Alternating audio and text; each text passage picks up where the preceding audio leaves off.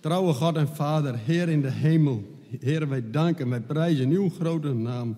En we vragen om uw zegen, Heer, over deze dienst. Heer, zo willen we ook bidden voor uw volk. Want vandaag, er zijn zoveel mensen die naar Parijs gaan. Die 70 ja, uh, grote mensen, leiders, volkenleiders. Heer, dat het juiste mag gebeuren in uw naam.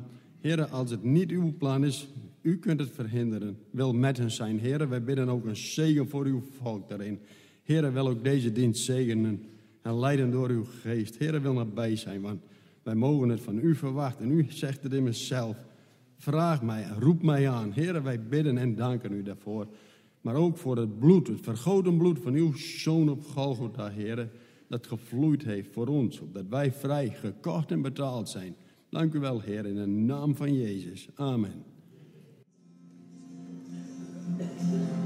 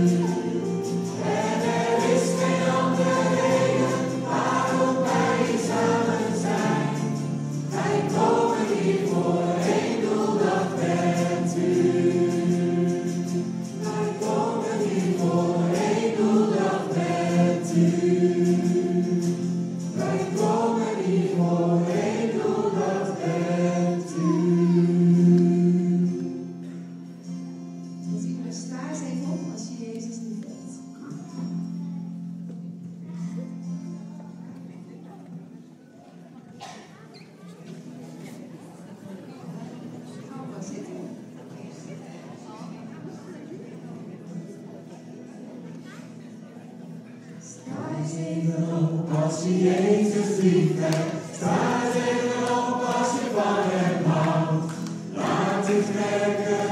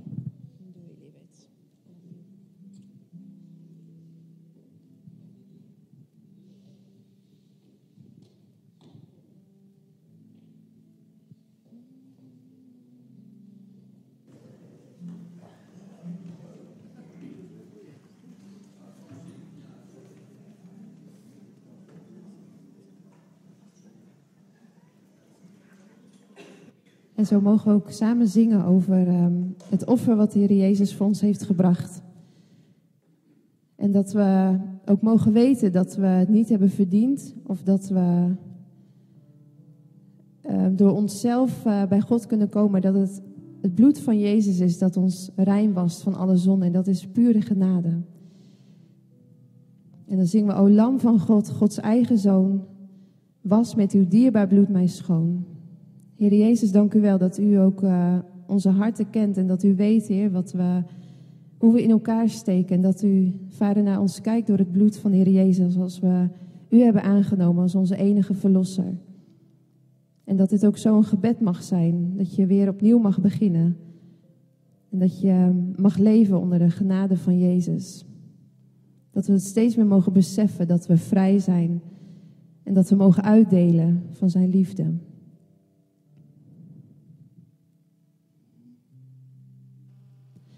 U zond uw zoon. Hij kon niet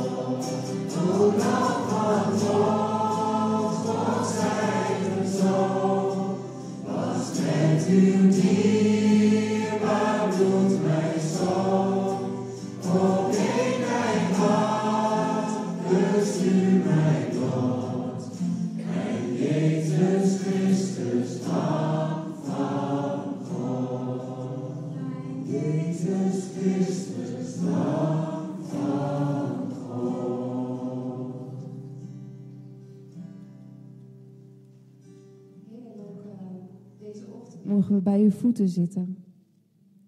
Mogen we met elkaar luisteren naar wat u tot ons te zeggen hebt. Dank u wel, Heer, dat uh, u in uw woord zegt dat als wij tot u naderen, dat u tot ons nadert.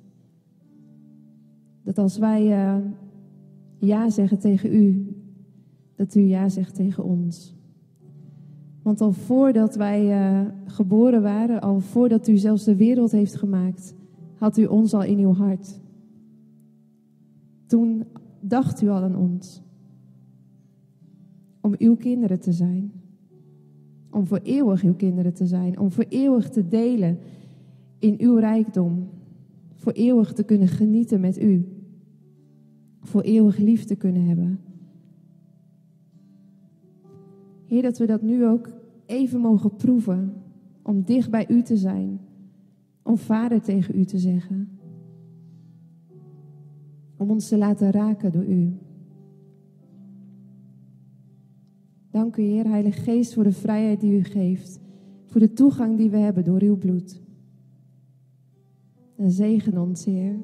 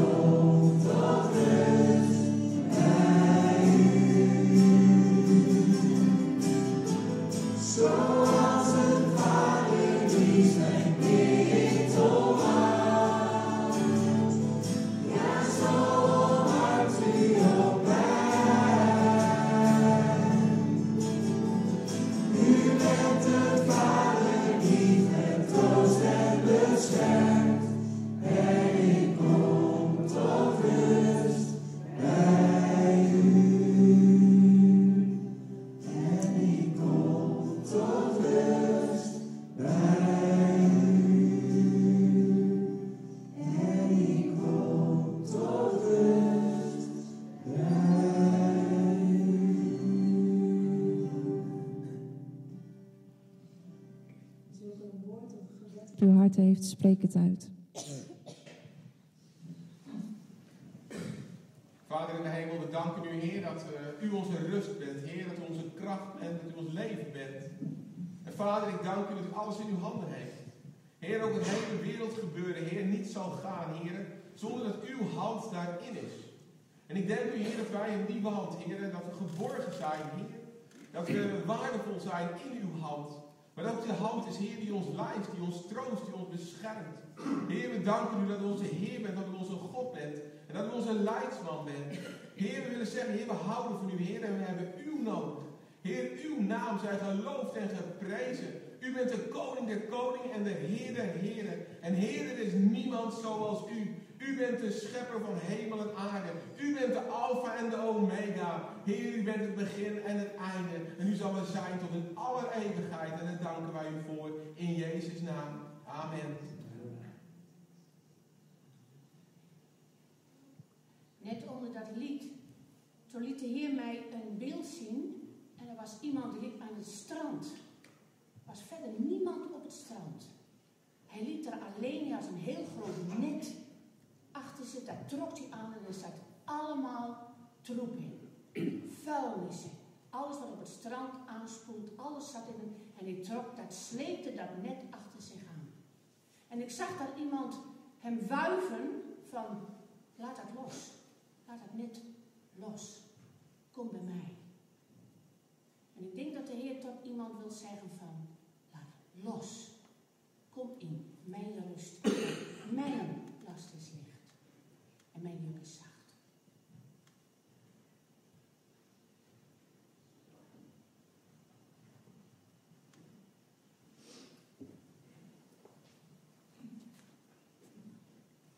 Broeders en zusters, uh, voor Hanna bidden.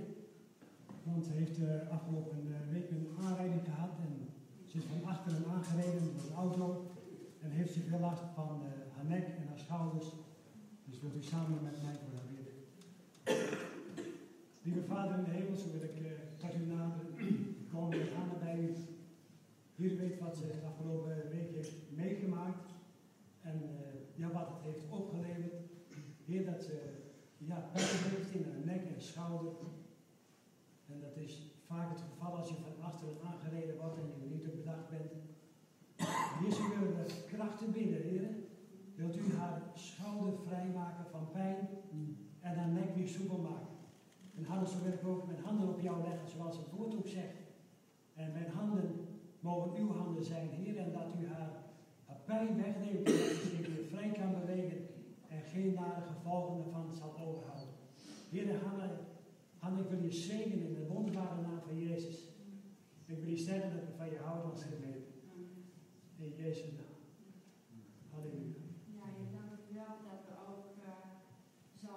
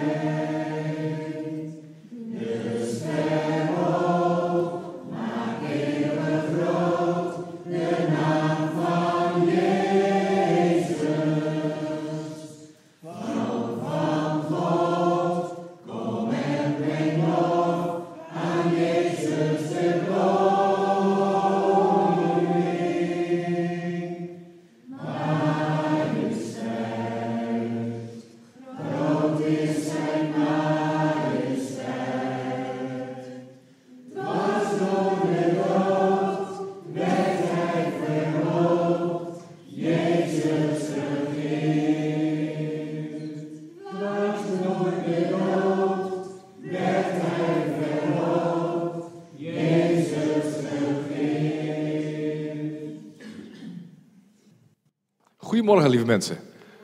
Fijn om jullie ook weer eens vanuit deze kant weer eh, te bezien. Dat hebben een tijdje geleden en dat is ook goed geweest. Voor u hopelijk en voor mij ook. En ehm, we gaan vandaag dus stilstaan bij een prachtig gedeelte. Een bekend gedeelte, maar ook een heel wonderlijk gedeelte. En ik ga u een paar dingen vertellen straks. ehm, ja, waarvan ik denk dat u dat misschien helemaal niet zo...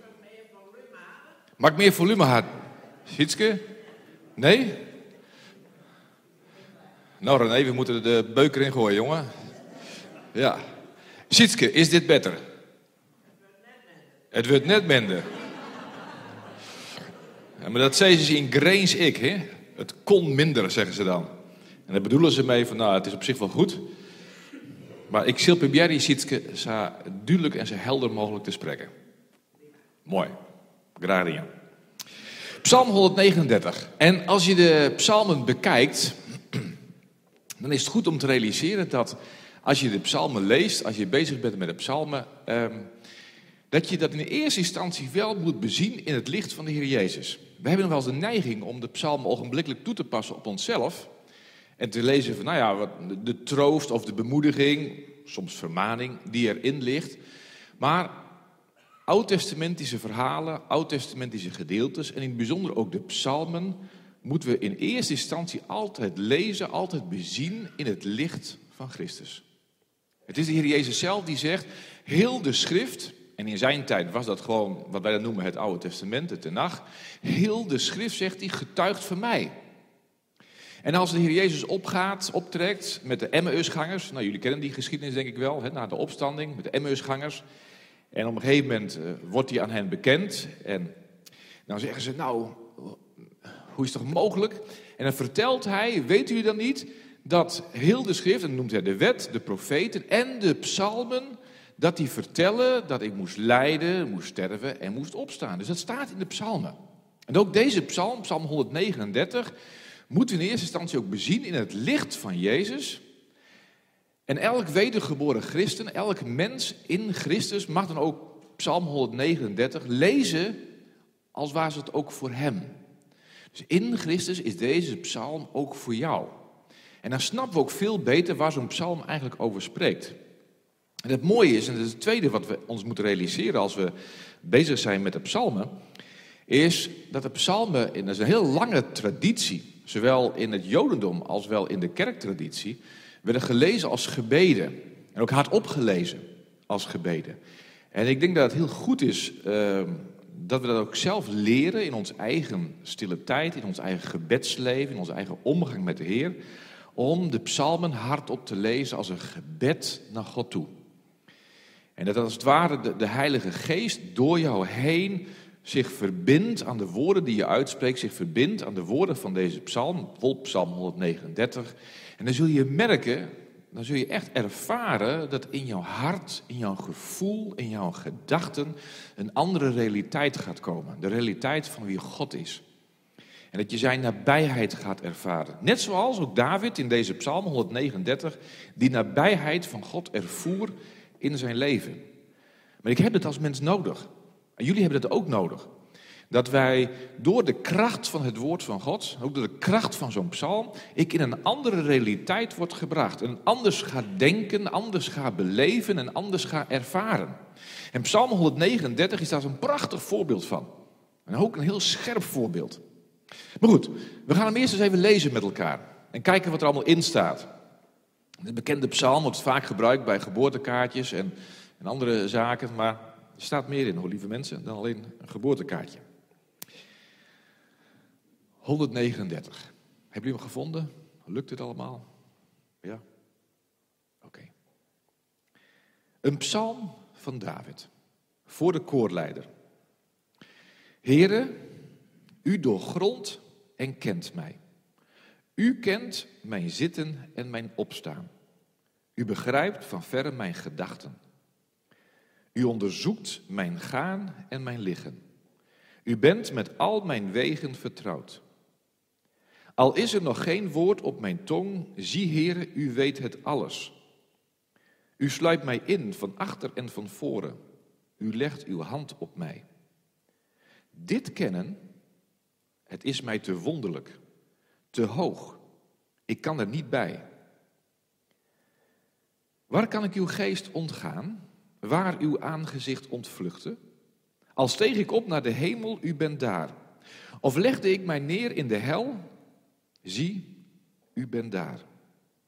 Nam ik vleugels van de dageraad, woonde ik aan het einde van de zee.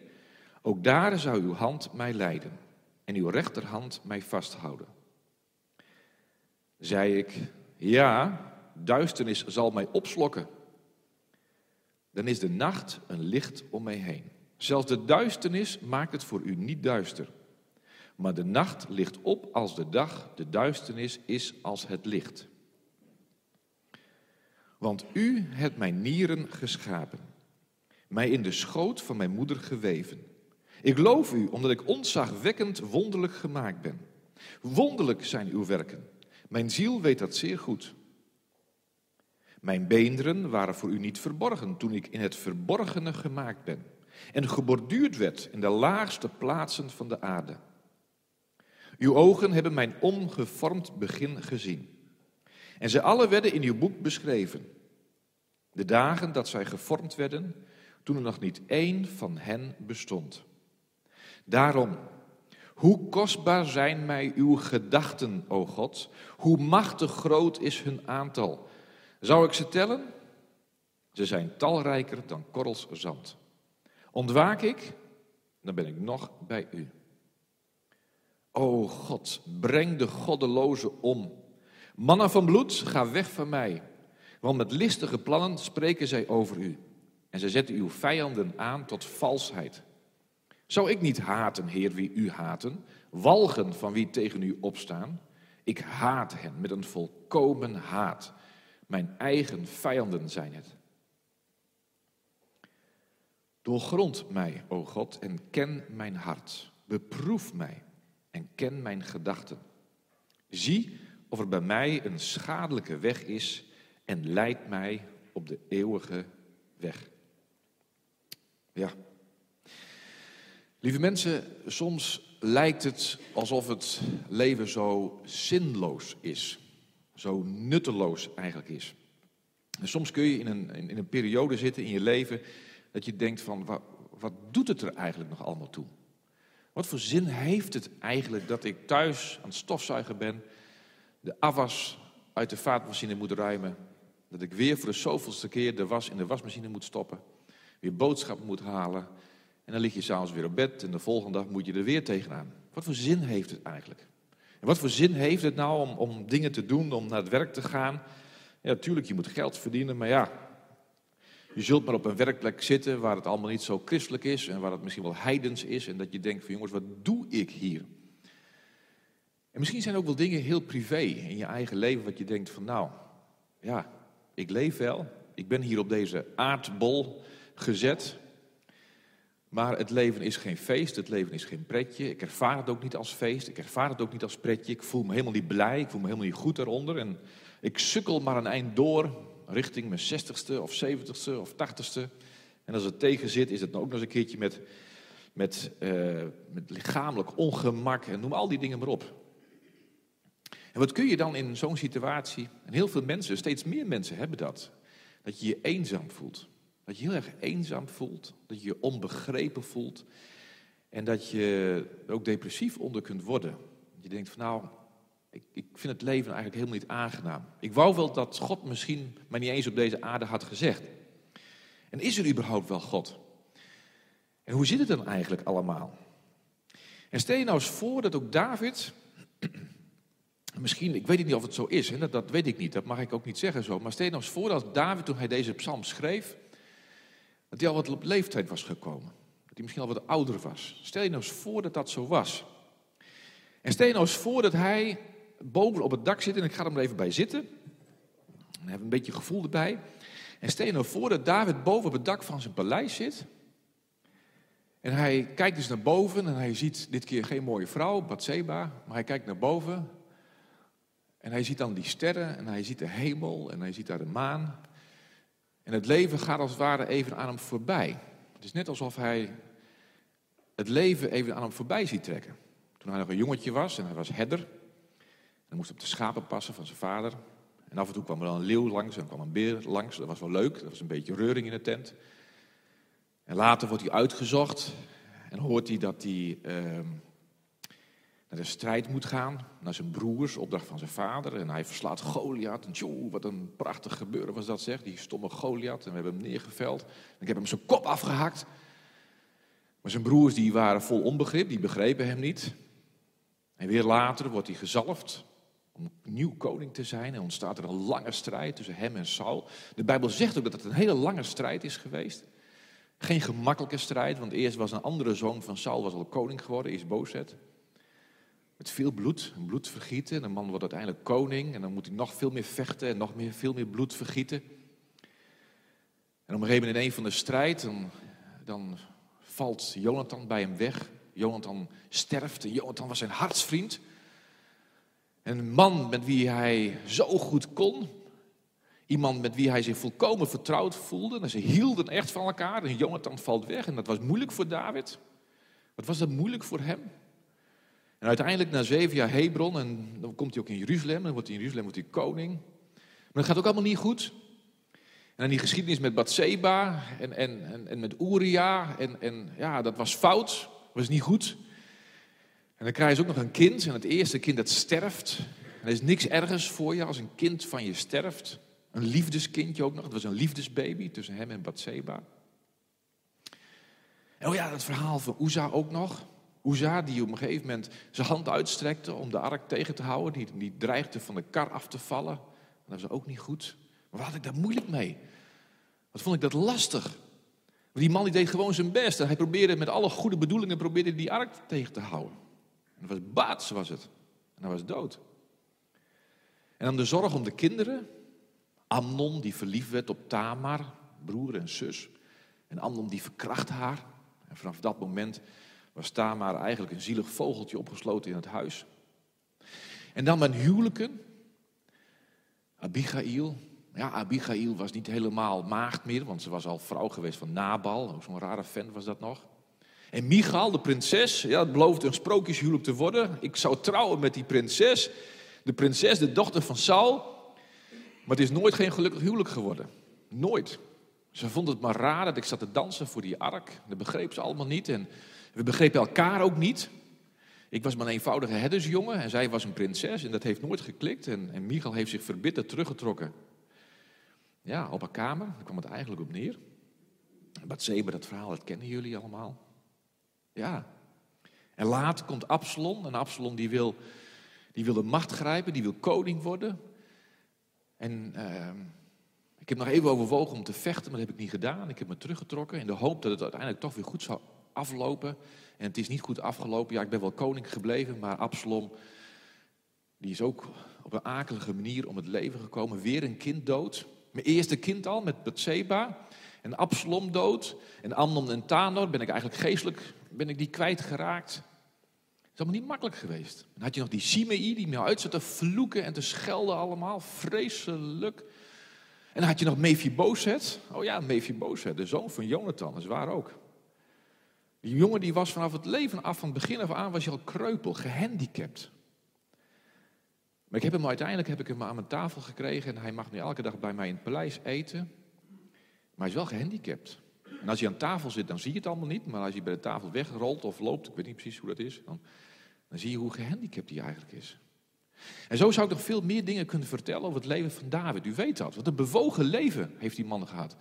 Wat zijn er veel mooie dingen gebeurd, maar wat zijn ook heel veel dingen verkeerd gegaan. Akelig gegaan. En soms zijn er dingen geweest waarvan je kunt zeggen: ja, maar David, dat is ook jij geschuld geweest. Jij gezonde. Die volkstelling, man, dat sloeg je kennelijk weer in de bol. Je moest zo nodig weer even weten hoeveel onderdanen je had. Nou, dat, dat, dat hebben we geweten. En het verhaal met Bathseba, daar is ook jij geschuld. Dat kun je niet allemaal God uh, verwijten. Er zijn ook dingen gebeurd, ja, zeg het maar. Mephibozet kreupel en al die andere dingen en de tegenslagen. En ik mocht uiteindelijk de tempel ook niet bouwen van God. Want ik had te veel bloed aan mijn handen. Maar ja, ik moest wel vechten, ik moest wel strijden, de Filistijnen en Moab, zeg het allemaal maar. Er zijn heel veel dingen die in het leven van David zijn gebeurd. Heel veel indrukwekkende dingen. Dingen waar je je zorgen over maakt. Dingen waar je als mens van de kaart zou zijn.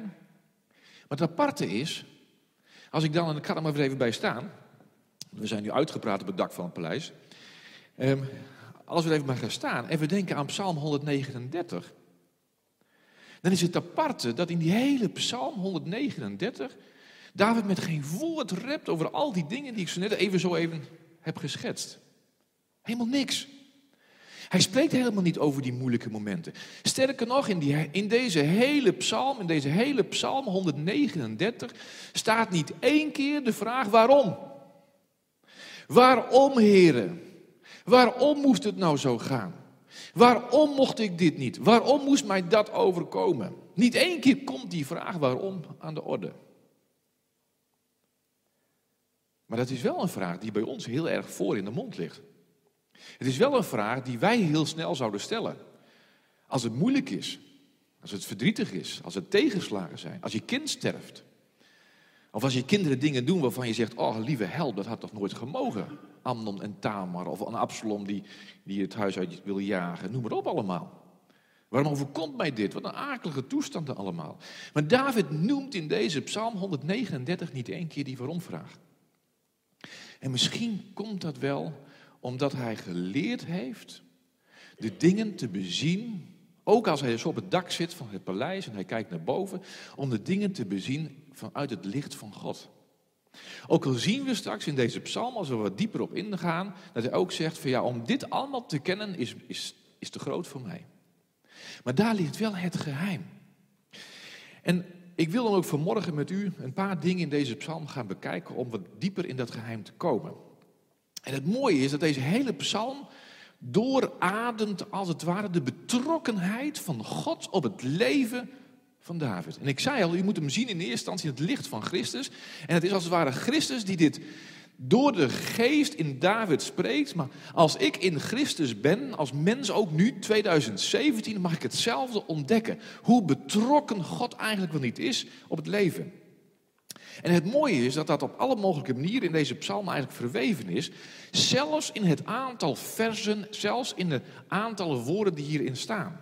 En laat ik u even een paar dingen daarin noemen. En ik noem niet alles, want dan, dan wordt het een hele Bijbelstudie. Dan zijn we er ook weer 18 jaar mee bezig. Dat doen we niet. Maar deze psalm bestaat in het Hebreeuws uit 23 versen. In het Nederlands zie je 24, maar in het Hebreeuws is het 23 versen. En die 23 versen, die zijn opgedeeld in 11, 1 en 11 versen. En precies in het midden, dus in het midden, dat ene vers, dat is vers 13.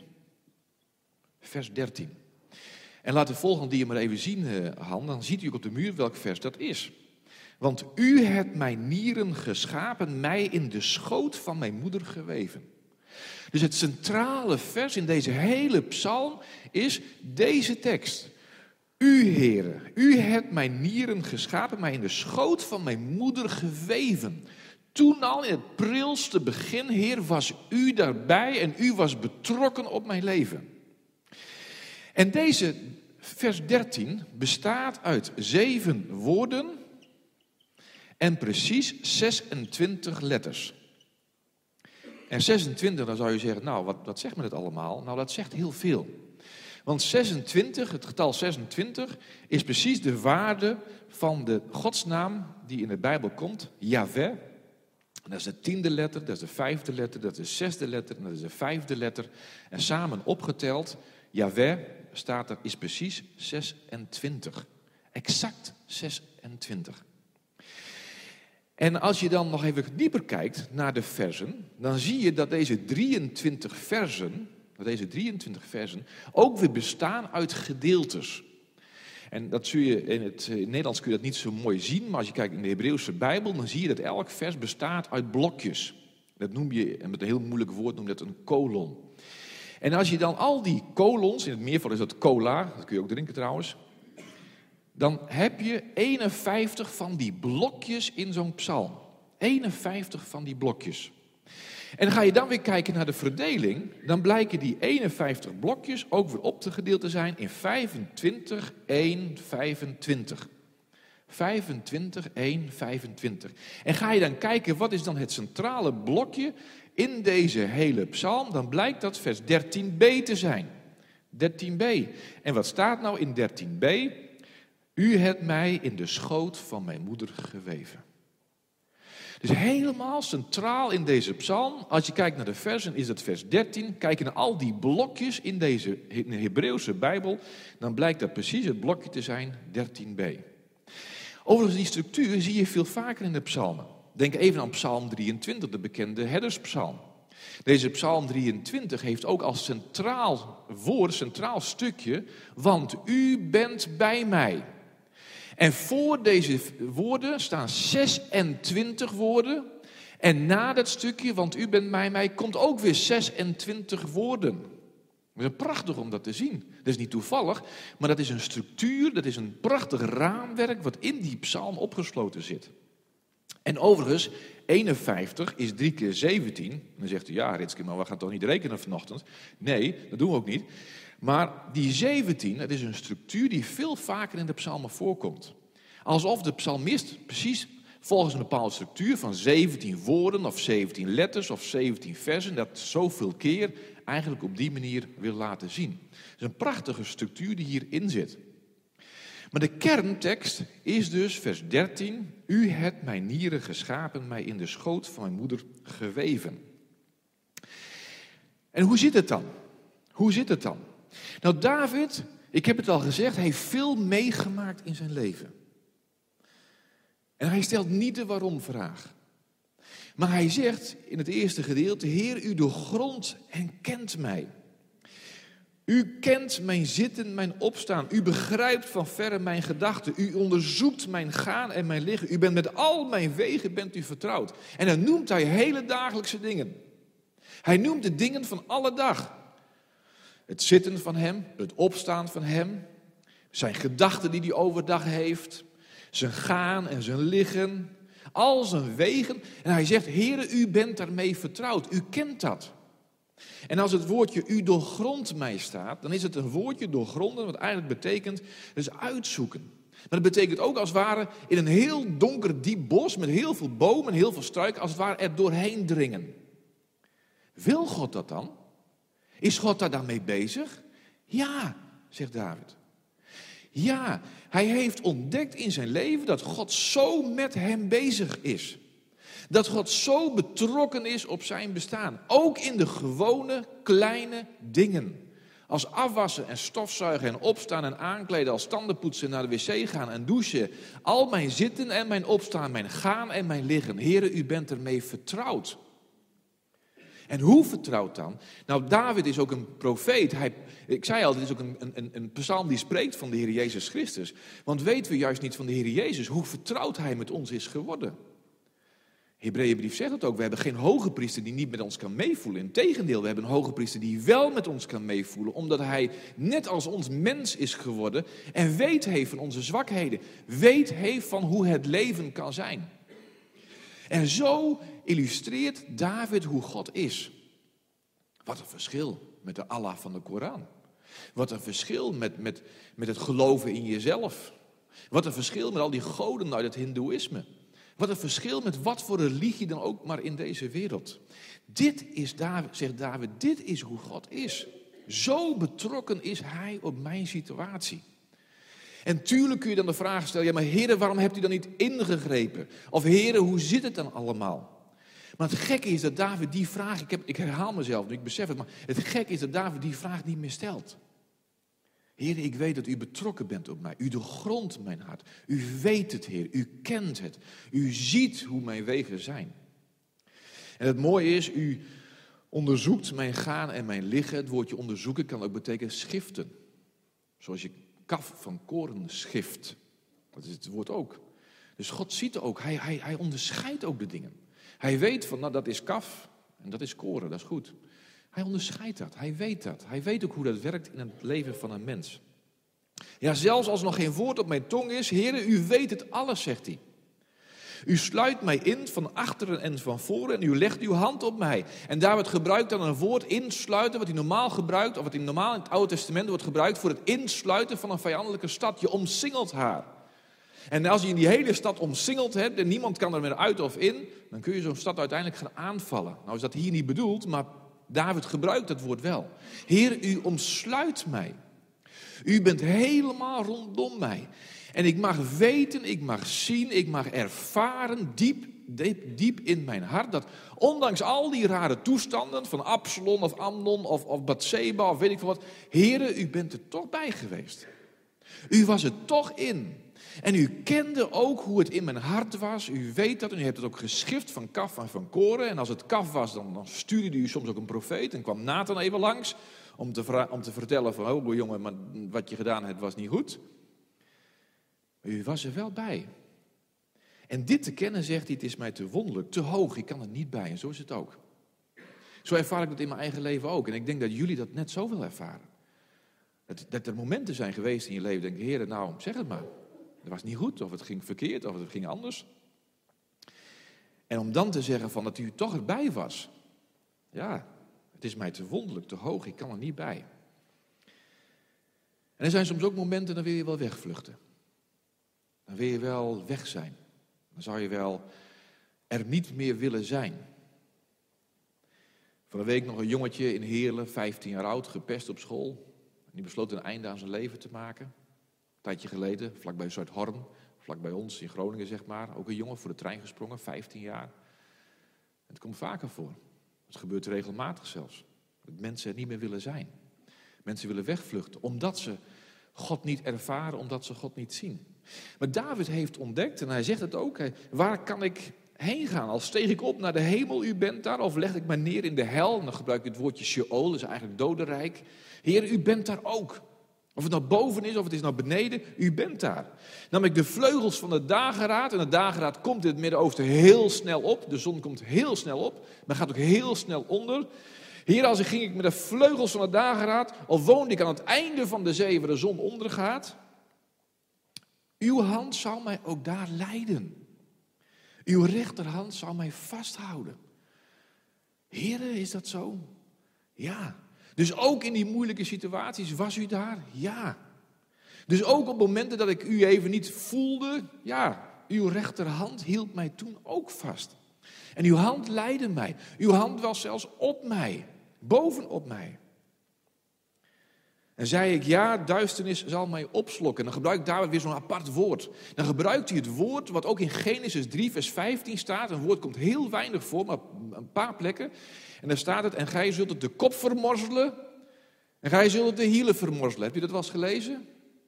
En het woordje vermorzelen is precies het woordje wat hij hier nu ook gebruikt. En dan zegt hij, nu vertaal ik hem even letterlijk, ja, duisternis zal mij vermorzelen. Ja, die momenten heb je. Je hebt momenten dat je het gevoel hebt dat duisternis jou vermorzelt. Praat maar eens met iemand die zwaar depressief is. Die het gevoel heeft alsof er een deken over je heen wordt getrokken. Alsof alles donker wordt, alsof alles duister wordt. Alsof die duisternis jou vermorzelt, verplettert, jou opslokt. Ja, die momenten kun je hebben, die momenten die zijn er. En David die spreekt er ook heel eerlijk over. Hij zegt het ook echt als een bevestiging zei ik, ja, duisternis zal mij opslokken. En toch, zegt hij dan, is de nacht een licht om mij heen. En toch is ook in die duisternis is God het licht voor mij. Zelfs de duisternis maakt het voor u niet duister, zegt hij. Dus ook al zit ik zelf heel diep daarin, ook al zit ik zelf in een put, het is voor u niet duister, Heer. Voor u is het ook nog steeds licht. De nacht ligt op als de dag, de duisternis is als het licht. Dat is de troost, dat is de bemoediging die David ook in zijn tijd heeft mogen ontdekken. En lees maar andere psalmen waarin je ziet hoe diep hij soms heeft gezeten. Er zijn genoeg psalmen die daarover gaan. Hoe lang nog, heren, ga ik nog in het zwart? Heren, waarom toch? En waarom ben ik u kwijt? Maar David, door de geest biddend, dit biddend, heeft ontdekt dat zelfs in de diepste duisternis die mij kan vermorzelen, zo voelt het dan, is er nog steeds het licht. Het licht van God. En dat mag je ontdekken, dat mag je zien, dat God zo daar betrokken op is. En dan switcht deze psalm in één keer naar het begin. En dan zegt hij hoe ver die betrokkenheid van God wel niet is. En dan komt onze kerntekst, vers 13, komt dan om de hoek kijken. En dan zegt hij, want u hebt mijn nieren geschapen. En dan is het natuurlijk, u mag denken aan de letterlijke nieren die, die hier in je buik zitten. Maar dat betekent ook de nieren in het Oude Testament, die zijn gedachtegang, betekent de, de zetel van je diepste emoties. Waar je diepste gevoelens kunnen zitten. Heren, u hebt dat geschapen. Dus ook als ik een emotioneel mens ben, dan is dat zo. En misschien ben ik wel een heel introvert mens, dan is dat ook zo. Maar u hebt dat geschapen, Heer. U hebt mij in de schoot van mijn moeder geweven. Laat de volgende dia maar zien, Han. Prachtig, ik heb wat foto's even voor u op de muur gezet. Ja, maar zo is het. U hebt dat alles geschapen. Wonderlijk ben ik gemaakt. Mijn beenderen waren voor u niet verborgen toen ik in het verborgene gemaakt ben en geborduurd werd in de laagste plaatsen van de aarde. Uw ogen hebben mijn ongevormd begin gezien. Alles. God was daarbij, zegt David. En hoe weet David dat nou? Hoe weet hij dat nou, dat God er toen bij was? Want ik weet het niet meer. Toen ik in de buik van mijn moeder zat, ik weet echt niet hoe het daar was toen, op dat moment. Ik ben het kwijtgeraakt op een manier. Ik weet wel dat, ik, dat het een moeilijke bevalling was. Dat, nou, dat weet ik niet trouwens. Dat, heb, dat is mijn moeder. Ja, ja een verspreking, hè? Dat heeft mijn moeder me verteld. Het was een hele moeilijke bevalling. En mijn moeder is met spoed naar het ziekenhuis gebracht. En vlak voordat mijn moeder onder de narcose werd gebracht, toen zei de, de gynaecoloog of de arts, ik weet allemaal niet, dat, uh, die zei nog nou, het kind is verloren, maar we proberen de moeder proberen we te redden. En eh, dat was de laatste woorden die mijn moeder hoorde voordat ze wegging onder narcose, zeg maar. En toen ze dus wakker werd, toen dacht ze ook van, nou ja, uh, kind is er niet. Klaar. Maar ik lag verderop in de zaal, op een aparte zaal, lag ik te brullen. Als een zeekapitein. En de zuster zei tegen mijn moeder, nou, het is er wel eentje. En mijn moeder die, die begreep dat werkelijk niet. Want die dacht, dat is niet mijn kind. Die is niet van mij. Want de arts heeft gezegd, het kind dat, kunnen we niet, dat is er niet meer. En we moeten proberen de moeder nog te redden. Of dat lukt. Nee, vrouw Tulner, het is echt, u hebt een zoon gekregen. En die brult het hele ziekenhuis bij elkaar. En daar heeft mijn moeder erg aan moeten wennen. Want die dacht ja, maar dat, het, zat toch, ja, het is toch echt waar. Dus, mooi hè? Maar ik weet er niks meer van, lieve mensen. Laat ik me eerlijk zijn. Ik weet er echt niks meer van. Ja, mijn moeder weet er meer van, maar ik niet meer. Ja? En toch zegt David hier, en dat kan hij alleen maar zeggen omdat hij dat door Gods geest zegt, omdat God hem dat heeft geopenbaard. David, jongen, ik was er al vanaf het begin, was ik erbij. En jouw ongeformeerde klomp toen het nog een eicel was, toen het nog klein was, toen het er niet uitzag, ik was daarbij, ik heb het geformeerd. En hij gebruikt dan het woordje borduren zelfs. Ik heb je geborduurd in de, ja, dan is dat, dat poëtische taal, in de laagste plaatsen van de aarde. Maar dat betekent gewoon in dit geval in, in de diepste verborgen plek in de buik. Daar heb ik dat gedaan. En ook de volgende dia laat het heel mooi zien. Hoe God dat allemaal prachtig vanaf het begin geschapen heeft. En dus mag ik ook als mens, als God zo betrokken is op mijn leven. Mag ik dus ook niet zeggen van, wat ben ik eigenlijk lelijk. Of wat ben ik toch vreselijk? Of wat ben ik toch waardeloos? Als God zo vanaf het begin er al bij betrokken was. Dat hij zelfs de dagen heeft opgeschreven in zijn boek, zegt David. Zo betrokken was dat. Zo verheugde God zich over jou. Hij heeft van langs af aan die dag al begeerd. Overigens in het Nieuwe Testament zegt dat ook. Dan zegt Jezus op een gegeven moment over Abraham. Hoezeer hij al begeerd heeft om, om deze dag te mogen zien. Om deze dag te mogen aanschouwen. Zo begeerde God ook naar de komst van jou. Zo begeerde God ten diepste naar de komst van Jezus Christus als Messias, als redder en verlosser van deze wereld. Maar dat geldt dus ook voor jou. Vandaar dat God ook ons leert, heb je naaste lief als jezelf. En het is, de, het, is, het is de pest van onze maatschappij waarin we worden afge, hoe afgemeten aan het uiterlijk. Het is de pest van onze maatschappij, waarin vrouwen en mannen worden voorgespield met, met, met perfecte afmetingen en perfecte borsten en billen en weet ik veel wat voor toestanden allemaal. Waarin een bepaalde neus mooier is dan een andere neus, of een bepaalde huidskleur mooier zou zijn als een andere huidskleur. Noem al die dingen maar op. Dat is de pest van onze maatschappij. Maar het is God die zegt: Zo was ik betrokken op jou, David. Het begon al toen je nog niet eens herder was. Toen niet eens koning was. Toen al, toen je een celletje was in die baarmoeder van je moeder. Toen al was ik daar op jou betrokken en schreef ik dat op. En zag ik dat groeien en ontwikkelen en uiteindelijk geboren worden. En het leven kreeg zijn aanvang en het leven ging zo. Het woordje borduren is hetzelfde woordje borduren wat bijvoorbeeld bij de tabernakel wordt gebruikt in het borduren van al die prachtige kleden die over die tabernakel heen kwamen. Met, met, met mooie kleuren, met mooie, uh, hoe zeg je dat, stukjes draad en noem alles maar op hemelsblauw, purperen, et cetera, et cetera. Zo ben ik geborduurd. Kostbaar, zegt David dan. Kostbaar, heren, zijn mij uw gedachten, o God. Hoe machtig groot is hun aantal. Dat is waar ik me over mag verheugen. En ik moet mezelf dus niet naar beneden halen. Ik moet niet op mezelf zien. Ik moet mezelf ook niet haten. Maar ik mag zeggen, Heer, dank u wel dat ik er ben. Dat u mij hier op deze aarde hebt gezet. En hoe betrokken u bent op mij. Immanuel, God met jou, met ons. Psalm 23, de kern, want u bent bij mij. Zo is het. U bent bij mij. Zou ik die gedachten van God kunnen tellen? Nee. Ze zijn talrijker dan korrels zand. En ontwaak ik, dan nog ben ik bij u. Dan nog ben ik bij u. Heere, leer mij zien op de manier zoals u dat ziet. En ik weet wel, hier, hier is het ook het mysterie van God. Het mysterie van God. Wij kunnen God ook niet allemaal verklaren. En dat moet ook niet. Op het moment dat wij God helemaal verklaard hebben, is hij geen God meer. Als ik alles zou snappen van God, is het geen God meer. Want God is veel groter, veel verhevener, veel majestueuzer dan wat ik als klein mensje maar ben. Maar betrokken dat Hij is op mij, ja. En zijn liefde op mij, ja. En niets kan mij scheiden, zegt Paulus, van de liefde van God in Christus. Niets kan mij scheiden van die liefde. Want Hij is in alles met mij. Hij gaat met mij. Hij kent mijn zitten en mijn gaan en alles van mijn leven. En dan is het ook onvoorstelbaar dat er anderen zijn die, die God haten. En dat is ook het gedeelte. Vaak wordt deze, dat stukje in deze psalm niet gelezen. Maar ik heb je al laten zien, en ik heb ook heel bewust even hier op de, op de, hoe zeg je dat, op de whiteboard gezet, dat de versen horen erbij. Ook die moeilijke versen, die gaan over de vijanden van God. Ik haat ze met volkomen haat, zegt David. Het hoort erbij. Het is een geheel. Oh, waarom dan? Omdat als een mens God niet wil, als een mens God wegschuift in zijn leven, ontstaat er een heel leeg en een kil leven. Een leven waarin een mens denkt te kunnen beschikken over het prilste begin. Waarin wij kinderen zoals daar in de baarmoeder denken te kunnen aborteren. Waarin wij ouderen vandaag die economisch niet meer rendabel zijn, kunnen helpen met een pilletje zodat ze op een goede manier euthanasie kunnen plegen.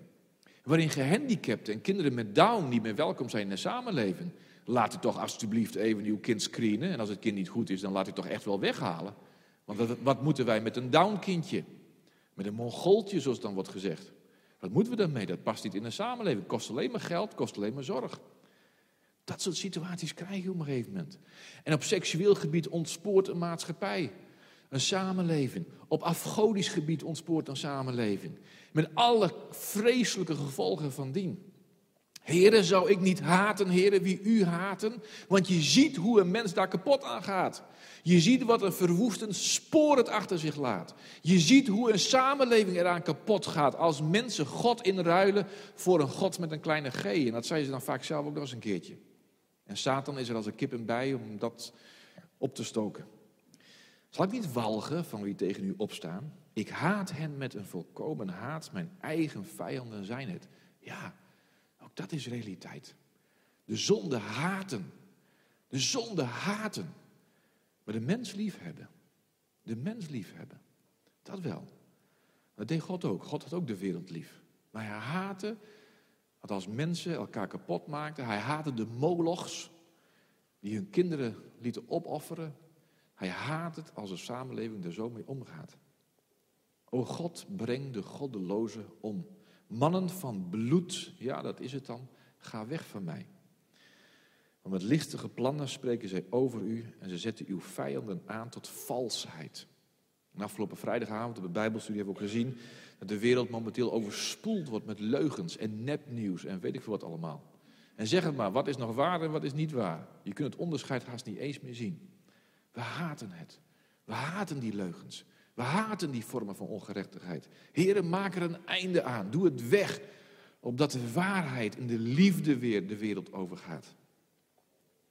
Maar ja, als ik dat dan zeg en als ik dat dan bid, hoe is het dan met mij? En daarom sluit David ook deze psalm af. En dan begint hij eigenlijk weer met dezelfde woorden waar hij ook mee is begonnen. Doorgrond mij, o God, vers 23, en ken mijn hart. Maar dat zei hij toch ook al in vers 1? Ja, dat zei hij ook al in vers 1. Heere, u doorgrond en kent mij. Hij weet dat God het doet en toch bidt hij ook, Heere God, wilt u het doen? Wilt u zien hoe het met mij is. Doorgrond mij, o God, en ken mijn hart. Beproef mij en ken mijn gedachten. Misschien, heren, is er een schadelijke weg. Een derech otsep in het Hebreeuws. En het woordje otsep kan betekenen een afgod. Dat kan een afgod betekenen. Een atsap is het dan. Het kan ook betekenen een werkwoord in de zin van ergens diep bedroefd over zijn. Diepe pijn hebben over iets. Het kan ook betekenen iets wat verderft, wat verderfelijk is of verderfelijk wordt. Heren, laat het niet zo zijn dat er iets is in mijn hart, wat misschien toch nog boven u wordt gesteld. Een afgod, heren. Wat ik misschien toch ergens diep in mijn hart nog belangrijker zou vinden dan u.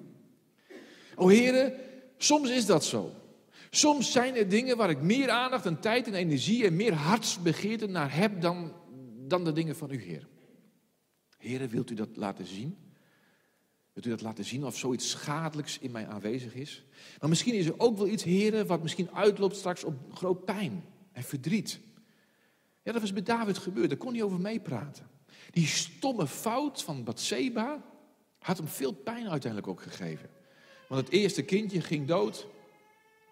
Zal niet te hard praten. Ja.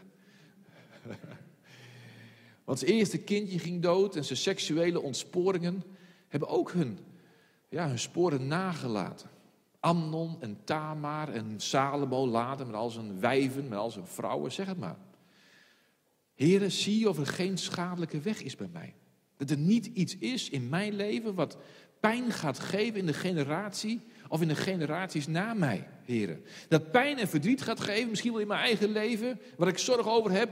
Heren, als er nu iets is in mijn leven wat daartoe zou kunnen leiden dat er verdriet en pijn gaat komen in het gezin of in de familie of op het werk. Of, heren, wilt u dat dan doorgronden? Wilt u dat laten zien? Wilt u dat openbaren, Heer? En heren, als er iets is wat tot verderf leidt, misschien zelfs mijn eigen ondergang, o heren, alstublieft. Doorgrond en ken mij. Zie of er bij mij een schadelijke weg is en leid mij op de eeuwige weg. Net zoals ook Psalm 23 zegt, en leid mij in sporen van gerechtigheid, aan stille wateren der rust. Heren, wilt u mij zo leiden dat ik geleid word naar die eeuwige weg? Want ik zie het niet altijd, Heer. Ik heb het niet altijd door, omdat ik soms een dwaze domoor ben. Omdat ik koppig ben als Fries. Omdat ik de neiging heb om misschien toch wel het korte termijn voordeel te zien. En niet te zien de eeuwige dingen, de dingen die goed zijn, of ook voor de generaties na mij. Heren, leid mij op de weg die eeuwig is. Die veel verder uitstrekt dan alleen maar mijn leven, maar uitstrekt tot de generaties na mij. En doe barmhartigheid aan duizenden, aan duizend generaties van degenen die mij lief hebben. Waar gelukkig na de derde en de vierde generatie het stopt vanwege de ongerechtigheid. Maar God wil tot in de duizendste generatie wil hij doorgaan met zegenen en met goed doen en met barmhartigheid. Heren, leid mij op zo'n weg. Dat duizend generaties na Ritske Tulner, en vul nou je eigen naam maar in. Dat duizend generaties na jou, zo de Heer nog vertoeft, hè, want misschien komt de Heer morgen wel ons ophalen. Het zou allemaal kunnen, dat weten we niet. Ja?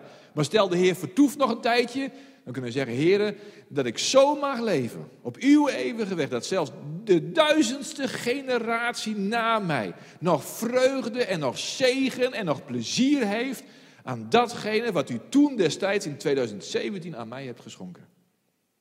En uiteindelijk loopt het tot in de eeuwigheid. En dat is ook waar.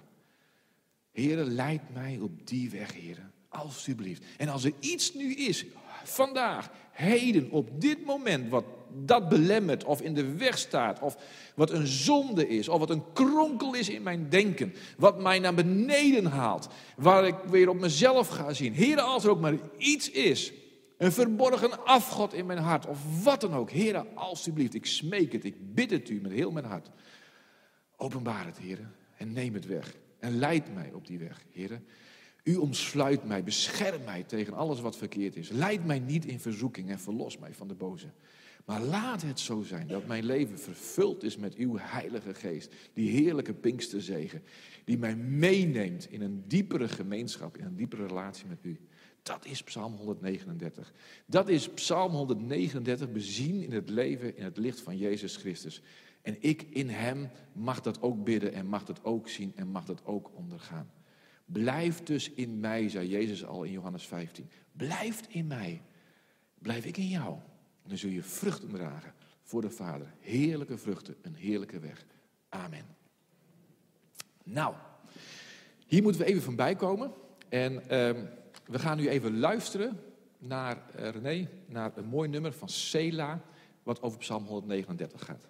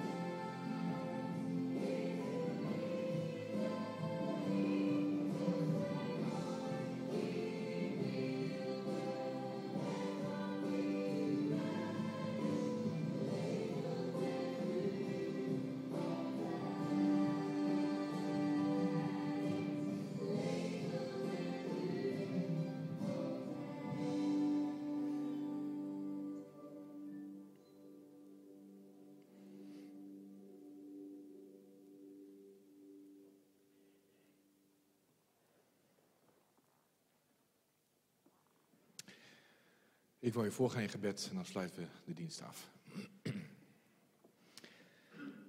Ja, Heere, God, Vader in de hemel. Wat kunnen we zeggen, Heere? Zoveel prachtige woorden uit uw psalm, uit uw woord.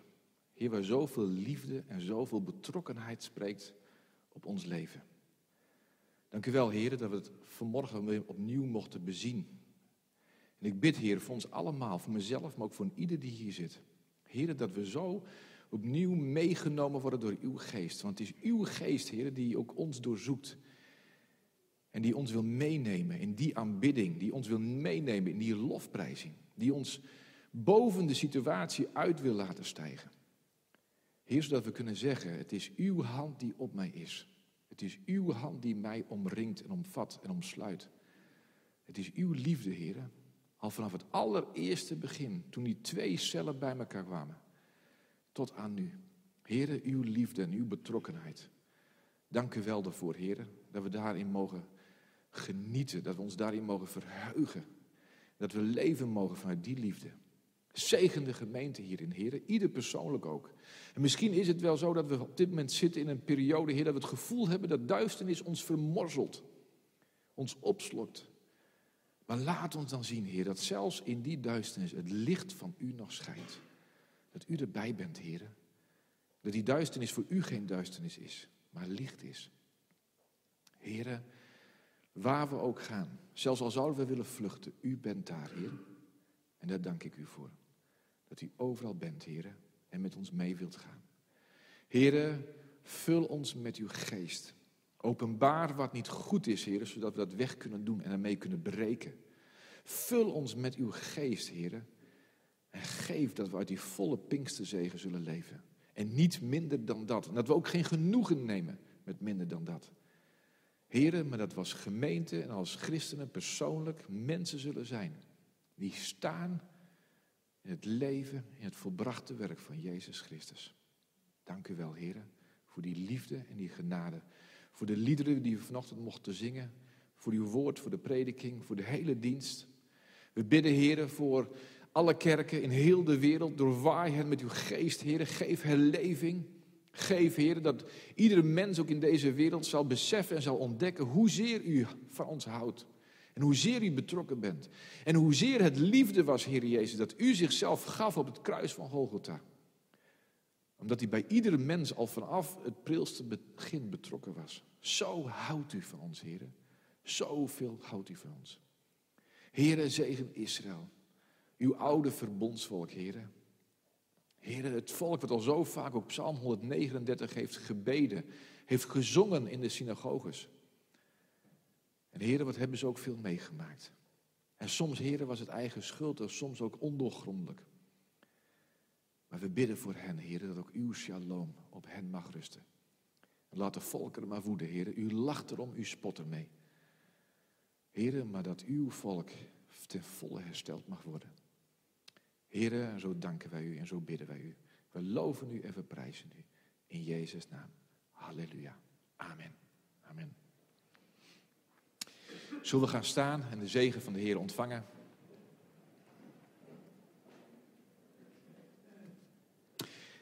En als u behoefte hebt aan gebed en u zegt van, oh, dit heeft me zo aangegrepen. En uh, help mij in gebed om ook de dingen zo te bezien. Dan zijn we er graag voor u om dat uh, te doen. Om samen met u in gebed het wonder van Psalm 139 te mogen ervaren en te ontdekken. Want zo is het. Zullen we die heerlijke zegen van God ontvangen? En zo mag de genade van de Heer Jezus Christus en de liefde van God de Vader en de gemeenschap met de Heilige Geest. God zelf die zegt, ik ben met je. En Jezus Christus die zegt, ik ben met je tot aan de voleinding van de wereld. Al de dagen, geheel de dag. Zij met jullie, zij met ons, met u en ons allemaal. In Jezus' naam. Amen. Amen. Ik kijk even naar Rinske en eerst keer hebben wij nog een slotlied in ons gedachten. Ja? Mooi. Dan zingen we nog een mooi lied en daarna is er gelegenheid voor uh, ontspanning.